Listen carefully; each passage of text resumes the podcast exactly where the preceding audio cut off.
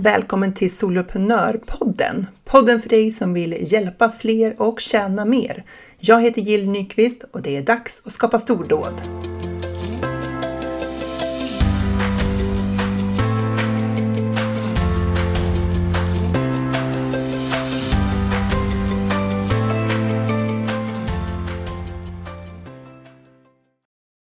Det finns ju många tjänster som vi kan erbjuda online och idag tänkte jag prata om det här med skalbara tjänster eh, versus en och en jobb. Som, hur ska man tänka där? Särskilt eh, om man är i början eller om man är i en omställning i sitt företag. Den här veckan, eh, jag spelar in det här eh, sent i veckan, eh, det har varit föreläsningsvecka för mig. Jag har hållit två föreläsningar eh, samma föreläsning två gånger och det har varit otroligt roligt. Så var du en av dem som var med på min föreläsning, tre stora misstag som gör att ditt företag inte växer online, så säger jag ett stort tack till dig för att det var ett galet engagemang i chatten och det finns ju inget som gör en föreläsare så glad som när folk verkligen engagerar sig i ämnet. Och jag tänker att det är också då som man som deltagare på en föreläsning, workshop, webbinar får ut allra mesta när man blandar in sina egna tankar och erfarenheter i det man får höra. Så det var superkul och intensivt. Hela veckan har gått väldigt fort. Det är faktiskt fredag nu ehm, och du, när du lyssnar på det här, om du lyssnar när det kommer ut så är det månd måndagen liksom direkt efter de här föreläsningsveckan. Så eh, jag hoppar rakt in i dagens ämne. Stort tack för att du är här och lyssnar på Soloprenörpodden. Det här med skalbart eh, versus jobba en och en. Så för det första, liksom bara så här, vad är skalbart? Skalbart tänker jag är när du gör ett jobb som du sen kan eh, förmedla till andra utan att göra om jobbet igen. Eh, till exempel att skriva en bok och sen sälja den om och om igen. Det är ju ett skalbart sätt att använda din kunskap och hjälpa andra och tjäna pengar. En onlinekurs är ju samma sak. Du gör onlinekursen och så säljer du den en och en eller eh, om och om igen. Och eh, om du eh, har tio deltagare som går din onlinekurs eller om du går, har hundra så innebär ju inte det att eh, du får tio gånger mer jobb. Det är det som är det skalbara. Det är liksom ett eh, du får liksom bra utväxling på de timmar du har lagt ner när du har skapat kursen om du säljer den till väldigt många. Samma sak med om du har en medlemstjänst. Att eh, du får in nya medlemmar och har du 10 medlemmar eller 100 medlemmar så är det fortfarande samma typ av leveranser du gör i din medlemstjänst. Det är skalbart. Så om det är 10 med på din, en workshop du har i din medlemstjänst eller 100, det är fortfarande samma arbete du har gjort för att ta fram den här workshopen. Eh, medlemstjänst är ju också återkommande intäkter så den har en annan parameter på sig medans, eh, eh medans en onlinekurs då är en engångsintäkt. Det brukar jag göra lite skillnad på beroende på hur man vill jobba. Så. Eh, sen finns det ju säkert liksom många fler skalbara tjänster men många som jobbar online eh, som jag möter kanske tänker första hand att de vill skapa en onlinekurs och sälja till många. Eller så kanske de är inne på det här med medlemstjänst då och så eh, hjälpa till på det sättet. Och vad är det som krävs då för att man ska få det här att flyga? Liksom, att man ska eh, få tillräckligt många som, eh, som anmäler sig till onlinekursen eller som går med i medlemstjänsten. För att det är ju rätt många av oss som har erfarenhet av att ha lanserat en, en onlinekurs och så fick man ta, antingen ingen som köpte eller väldigt få. Så.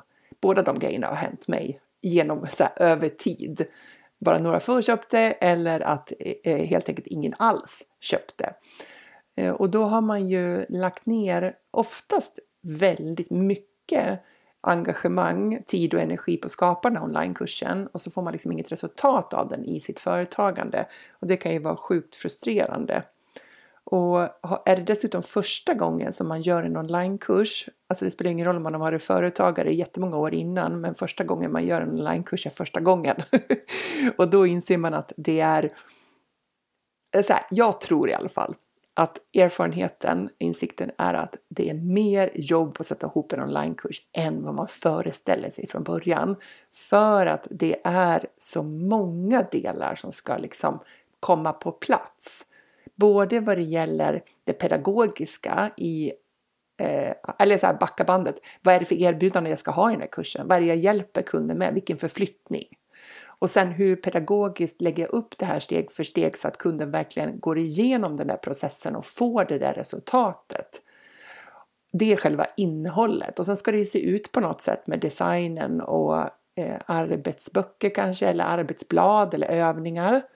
Och sen ska du sätta upp det rent tekniskt och sen så ska du marknadsföra och sälja den. Så det är ju många steg att skapa en kurs. Men det fina är ju att när den väl finns där så kan du sälja den om och om igen och det jobbet kan man ju ha gjort då. Ehm, och så är ju frågan då liksom när man kommer till själva säljet då. Och det första för att kunna sälja det är ju att du verkligen har definierat kundens problem som du löser i den här kursen så att det är så supertydligt vad de kan förvänta sig för resultat när de går igenom kursen. Inte vad de kan få för kunskap när de har gått igenom kursen, utan vad de kanske så här, vad blir annorlunda eller bättre i deras liv när de har gått i en onlinekurs. Så, så att du har tillräckligt ingående kunskap kring det för att kunna eh, så här, träffa rätt i vad behovet är och sen träffa rätt i själva formuleringen av det där. Så det är ju en viktig del. En annan viktig del som jag tänker man kanske ofta underskattar när det gäller att sälja skalbart, det är att man faktiskt måste ha folk att sälja till. Antingen så behöver du ha byggt upp organiskt då eh, följare i sociala medier eller, och eller prenumeranter på ditt nyhetsbrev så att du har några människor att liksom lansera den här till. Och har du inte byggt upp det här organiskt, då kan du använda annonser för det här och sälja din onlinekurs till en kall publik, det vill säga att du annonserar för att nå ut till de som har det här problemet. Och ja, så här, båda de där sakerna fungerar och gärna i kombination, att man både har byggt upp sin eh, följarskara och att man använder annonsering. Ehm, men eh, för att annonserna ska funka så behöver du verkligen ha ringat in eh, kundens problem och du bör, behöver kunna uttrycka det på ett sätt som attraherar just den kunden du vill hjälpa. För annars är risken stor att du lägger ner mycket pengar på annonser men du har liksom inte riktigt träffat rätt i budskapet än. Utan du, du hittar inte det där sättet som liksom slår an hos dem som du vill hjälpa. Och det kan ju vara en, en massa olika orsaker till det. På föreläsningen nu senast så nämnde jag just det där att vi ofta har ett för brett budskap. Att vi har ett generellt budskap som vi vill attrahera en generell grupp människor för. Typ att du har, vi säger att du har en onlinekurs som hjälper kvinnor inom personlig utveckling. Och sa ja, du kan hjälpa kvinnor, fast det skulle ju också funka för män lika gärna. Eh, eller mammor liksom, som har en utmanande vardag som behöver liksom, hjälp i sin personliga utveckling för att klara av det här livspusslet. Fast egentligen så skulle det lika gärna kunna funka för pappor. Och särskilt då om man har barn med särskilda behov, för man har en särskilt utmanande vardag i familjen då, så det skulle ju funka. Fast det här med personlig utveckling, det skulle också funka för de som kanske är i en utmattningsdepression, som kämpar med utbrändhet och sådär för att liksom få ordning på sitt liv igen och läka i det här. Fast chefer är ju en grupp som verkligen behöver personlig utveckling för att utveckla sitt ledarskap. Så du kommer fram till att den här kursen passar ju faktiskt för alla. Och sen är budskapet utifrån det. Men när vi försöker attrahera alla så når vi ingen. Och det, där, det här har du säkert hört, men på något vis är det lätt att gå i den där fällan ändå, för det, det, det känns så bakvänt att smalna av sitt budskap när man vill sälja till många. Dessutom så vet ju du i din expertroll att du faktiskt kan hjälpa alla de här grupperna som jag var inne på i det här exemplet. Du får ju översätta det här till det du hjälper till med. Ja, så då, då blir det liksom svårt eh, att prioritera målgrupp här. Och när du inte gör det då blir det svårt med vilka exempel ska du ta egentligen? Alltså ska du rikta dig till den där mamman och de utmaningar hon har eller är det till den där pappan eller är det till chefen eller vem är det till? Och när du då kommunicerar på den generella nivån och har en kurs som generellt hjälper till med det här, då blir det extra svårt att nå ut. Och till exempel blir det ju svårt då att få de här annonserna att flyga för att ingen känner sig träffad. Så det som ofta händer då, det är att man gör det här stora jobbet man skapar kursen eller medlemstjänsten och, och så får man svårt att sälja den. Det kan också vara så att man har lagt ner så stort jobb i att skapa kursen och gått igenom så mycket utveckling själv för att du, liksom, du har lärt dig tekniken och, och liksom spela in dig själv på video och skapa arbetsböcker och allt det där. Så många moment att när det kommer till lansering så är du helt matt själv. Här, då, då har liksom vår egen energi runnit ut för att vi har lagt så mycket i produktionen. Men så känner vi ändå att så här, men vi måste ju ändå lansera den för nu har vi gjort hela det här jobbet och så blir det en halvdan insats från, eh, från eh, vår sida för att vi helt enkelt har kroknat tillfälligt såklart. Men just där och då så orkar vi inte riktigt ladda om för att lägga ner lika mycket arbete på att skapa en jättebra lansering av den här tjänsten. Och det kan ju verkligen påverka hur väl vi lyckas med vår försäljning då. För att om vi inte riktigt orkar jobba igenom alla delar i vår lansering och verkligen ha kraften att hålla i hela vägen, då är det ju väldigt stor risk för att det blir dålig försäljning.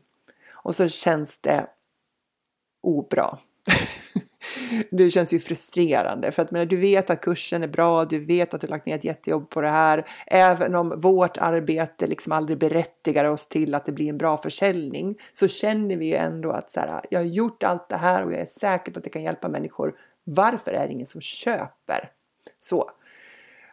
Och om man är liksom i det här starta upp-läget och ska börja liksom sälja tjänster online eller om du ja, men du kanske jobbar IRL eller har liksom jobbar mot en annan nisch, en helt annan nisch. Så, eh, så, ha, så finns det ju lite olika sätt att tänka på hur man kan bygga upp sin verksamhet.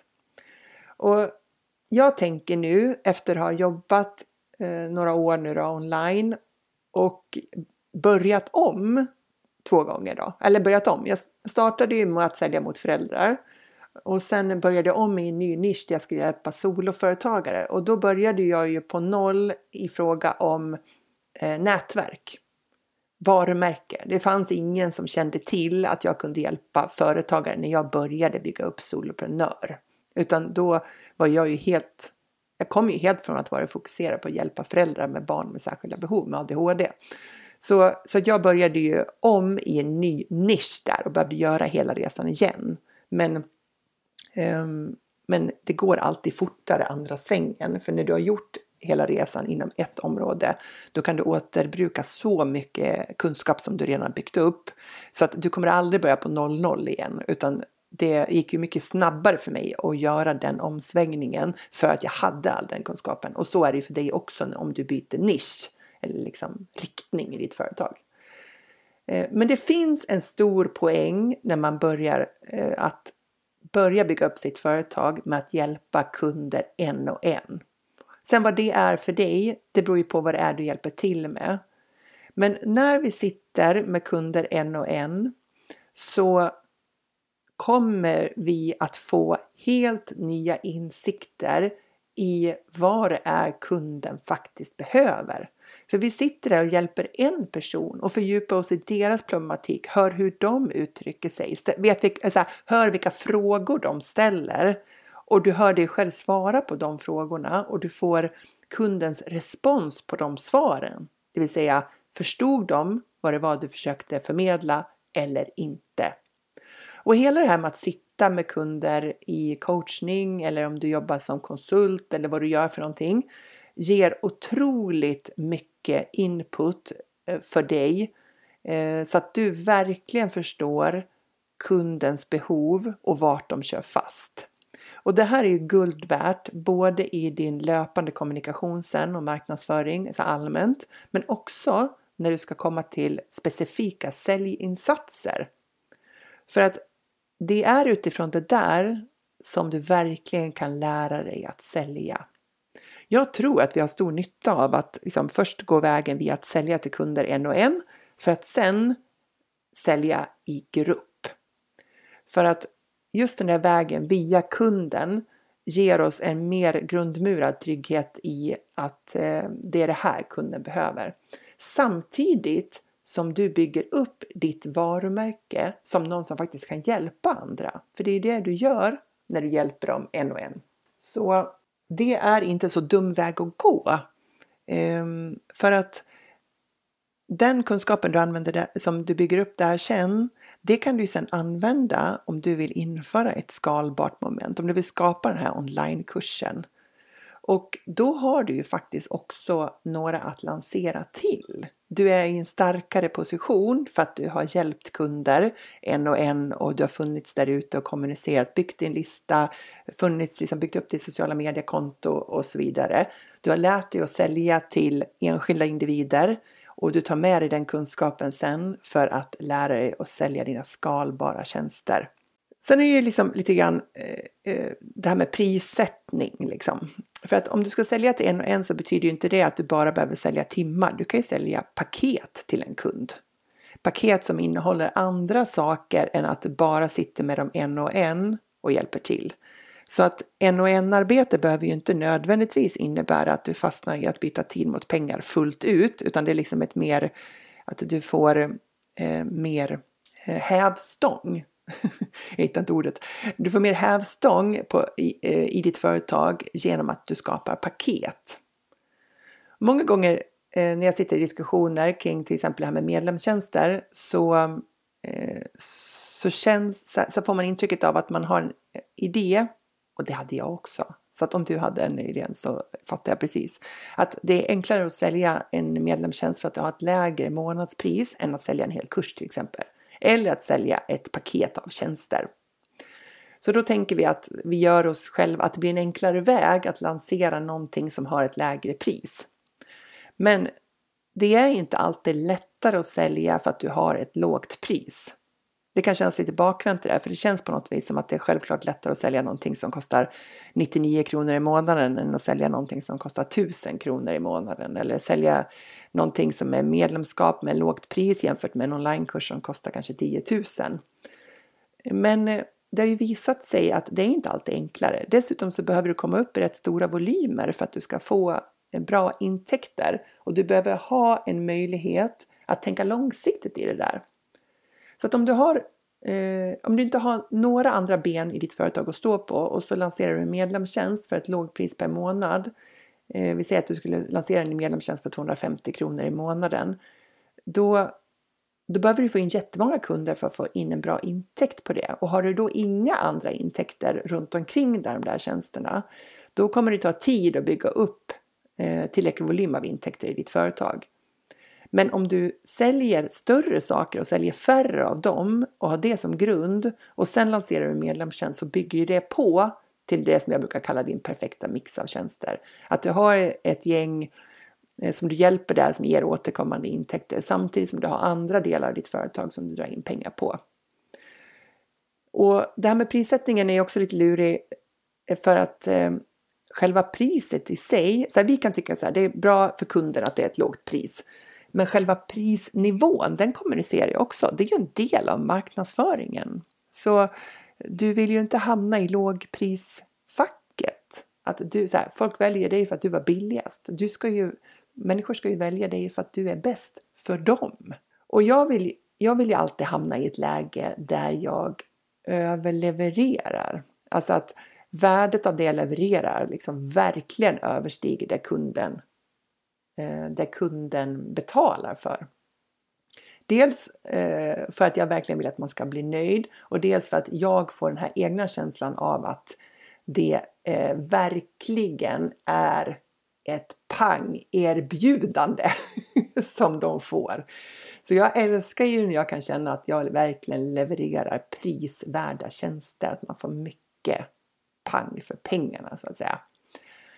Och eh, jag lyssnade på en, eh, en eh, amerikansk eh, podcaster eh, eller han är kanske från Australien, engelsktalande i alla fall.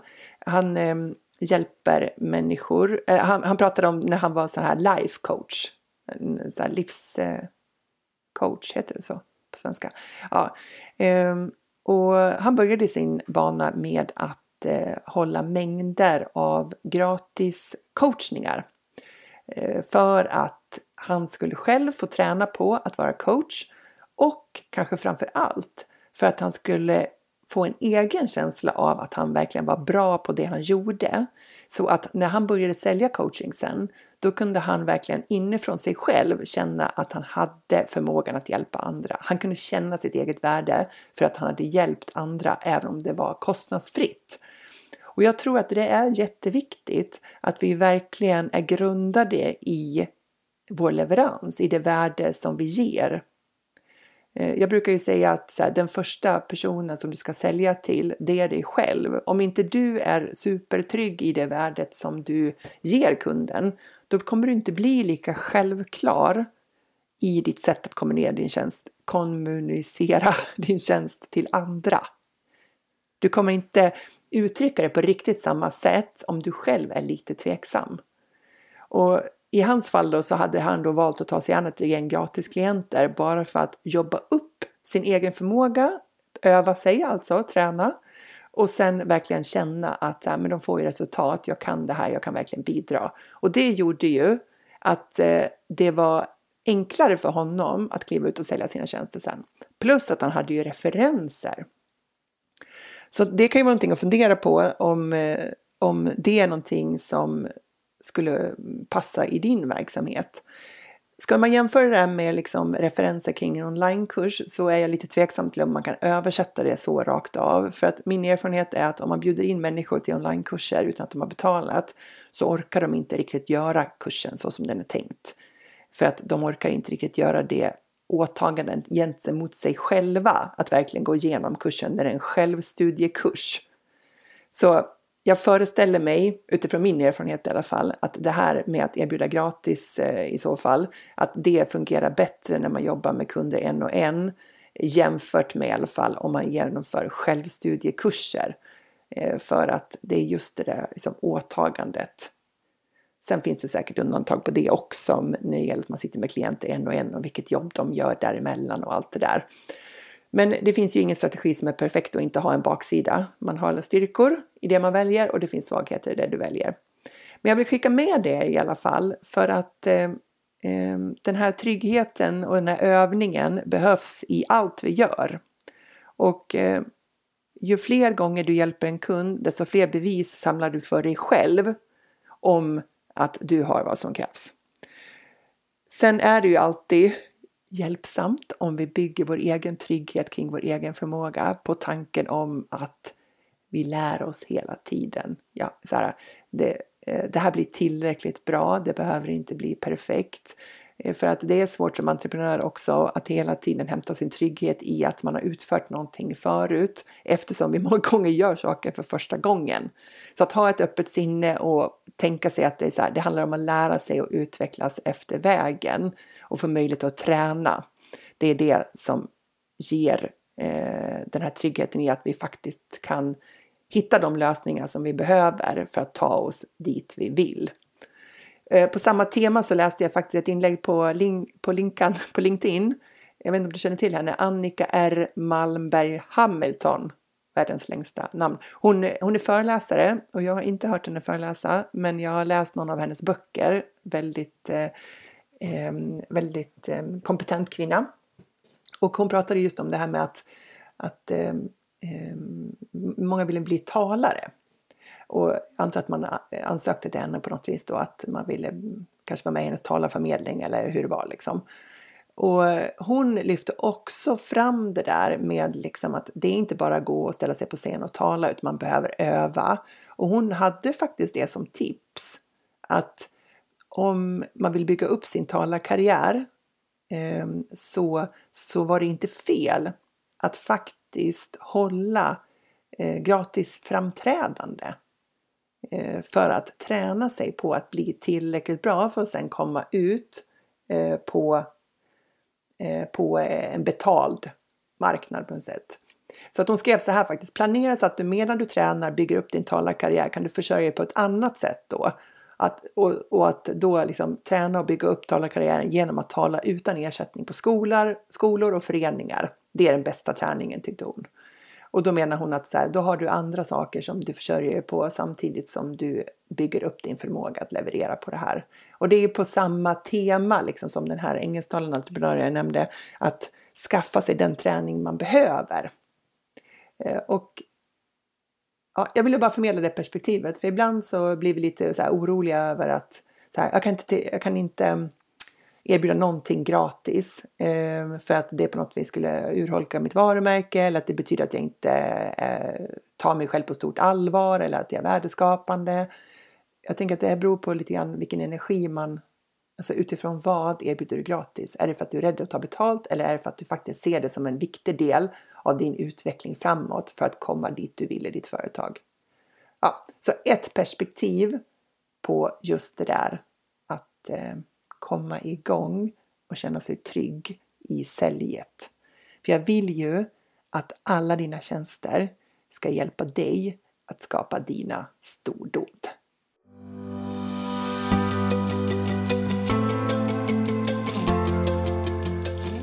Stort tack för att du lyssnar på Soloprenörpodden. Jag är så glad att ha dig här. Du får jättegärna lämna mig en review på iTunes och ratea podden. Ge den fem stjärnor om du tycker att den är värd det, så hjälper du mig att sprida den till fler. Eller varför inte ta en skärmdump på det här avsnittet och tagga mig på en story på Instagram, solopreneur.nu.